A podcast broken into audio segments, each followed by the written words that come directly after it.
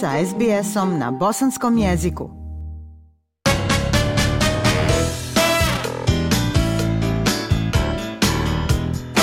Slušate program SBS radija na bosanskom jeziku. Među važnim političkim temama ponovo se našao sistem zdravstvene zaštite u Australiji, a razlog zato je zahtjev za reviziju Medikera kako bi pregledi kod ljekara bili dostupniji i financijski blaži za građane. Ovo su inicirali premijeri Novog Južnog Velsa i Viktorije, nadajući se da će reforma Medikera biti na vrhu dnevnog reda na predstojećem sastanku nacionalne vlade 1. februara. Inicijativi premijera pridružila su se i vrhunska zdravstvena tijela da se revidira Medicare i da pregledi kod ljekara budu pristupačniji. Prilog Katrione Stirat. Premijer Novog Južnog Velsa Dominik Perotej i premijer Viktorije Daniel Andrews pozivaju vladu Albanezija da osigura veći pristup besplatnim ljekarima opšte prakse i poveća popuste za Medicare kako bi pratio rastuće troškove koje imaju pacijenti. Oni također pozivaju na poboljšanje plata ljekara kako bi se pomoglo da ordinacije ostanu otvorene i pristupačne za ugrožene pacijente koji ne mogu priuštiti teret dodatnih troškova pregleda. Premijer Dominik Perotej kaže da bi ove reforme ublažile pritisak na bolnički sistem u Australiji. And we currently have a system, a health system from a federal and state level Trenutno imamo sistem na saveznom i državnim nivoima koji su evoluirali tokom vremena, koji rade jedan protiv drugog, a ne jedan s drugim. Imamo sistem u kojem mnogi ljudi ne mogu ući kod liječnika opšte prakse, a imaju zdravstvene probleme kategorije 4 ili 5, pa završe na odjeljenju hitne pomoći čekajući satima. Imamo priliku da sada izađemo iz pandemije koja se dešava jednom u stotinu godina i da reformišemo zdravstveni sistem. Savezni ministar zdravstva Mark Butler kaže da podržava premijera da se ojača Medicare zdravstveni sistem, ali on je rekao da je odluka premijera također i odluka državnih premijera i glavnih ministara da reforma Medikera bude prioritetna rasprava u nacionalnom kabinetu. On kaže da će izvještaj radne grupe za jačanje Medikera biti objavljen u narednim sedmicama i stavlja naglasak na važnost ublažavanja pritisaka koji se vrše na bolnice. We said at the election that there was no higher priority for labor. Rekli smo na izborima da nema većeg prioriteta za laburiste na planu zdravstva od jačanja Medikera i reforme opšte prakse.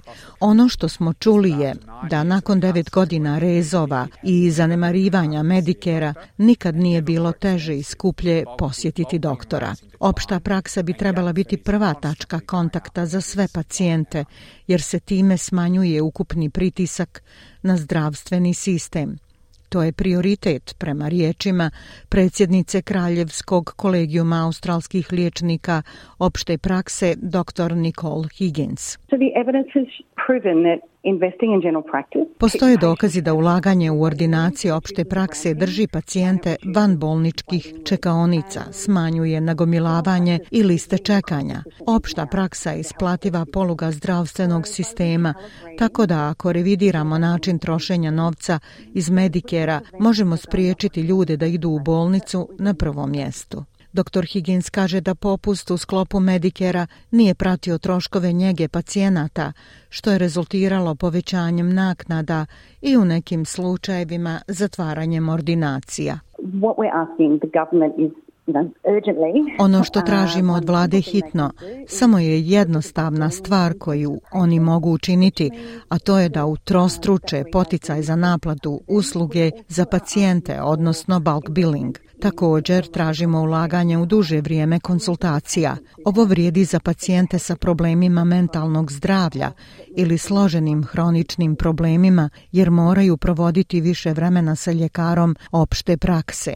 Premijer Perotej kaže da je poboljšanje nacionalnog zdravstvenog sistema vezano za saradnju između savezne i državnih vlada.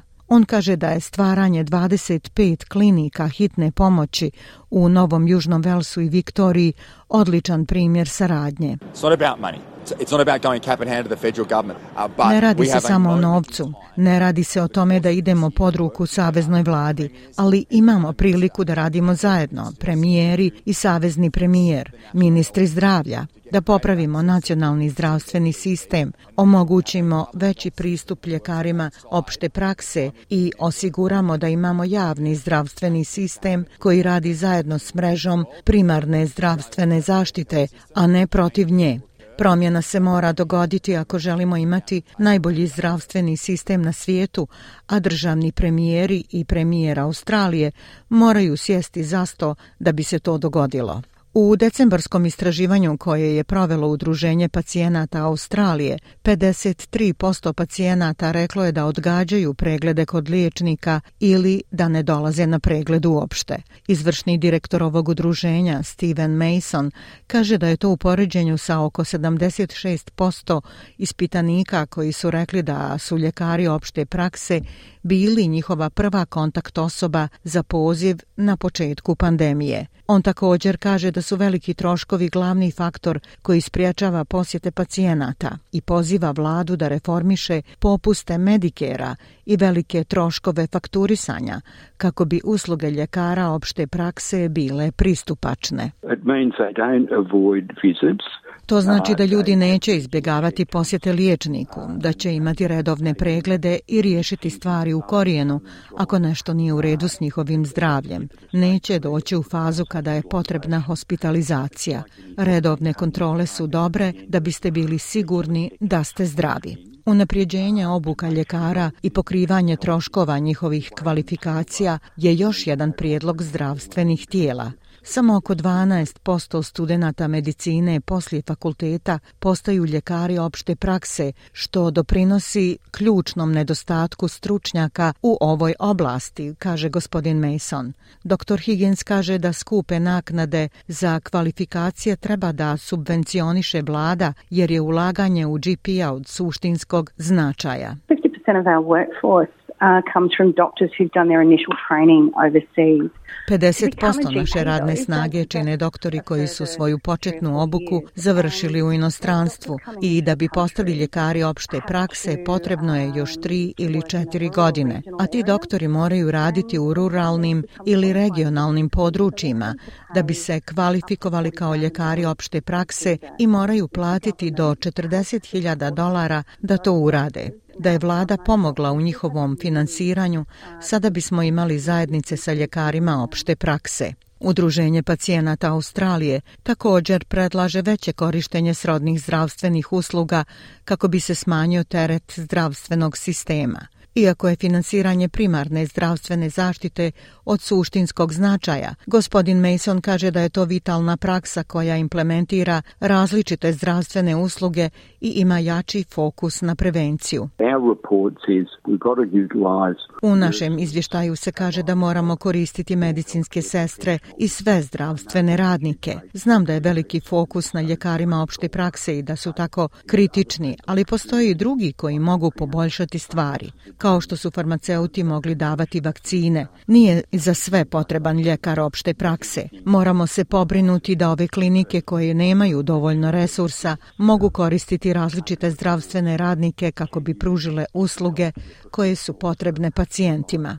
Savezni ministar zdravstva Mark Butler rekao je da, iako ne bi spekulisao o preporukama za majski budžet, da je jedan od fokusa radne grupe poboljšanje saradnje među zdravstvenim radnicima kako bi se osigurala multidisciplinarna njega. Iako je vlada već izdvojila 750 miliona dolara za implementaciju preporuka radne grupe za jačanje zdravstvene zaštite, ministar kaže da Australci ne bi trebali očekivati brzo rješenje. I've said publicly and we've talked very frankly about this within the strengthening Medicare task force. Javno sam rekao i vrlo smo iskreno um, razgovarali o ovome u radnoj grupi Medikera da ovo neće biti jednostavno krenuti. Ovo će zahtijevati odlučan dugoročni napor. Mislim da se svi sudionici sistema i grupe pacijenata, grupe doktora, medicinskih sestara i akademskih eksperata koje smo pozvali slažu s tim.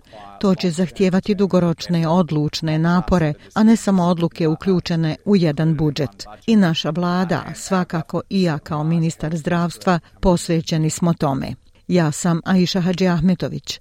Ostanite uz program SBS radija na bosanskom jeziku. SBS na bosanskom. Podijelite naše priče preko Facebooka. Želite poslušati još ovakvih priča? Slušajte preko Apple podcasta, Google podcasta, Spotify ili kako god da primate svoje podcastove.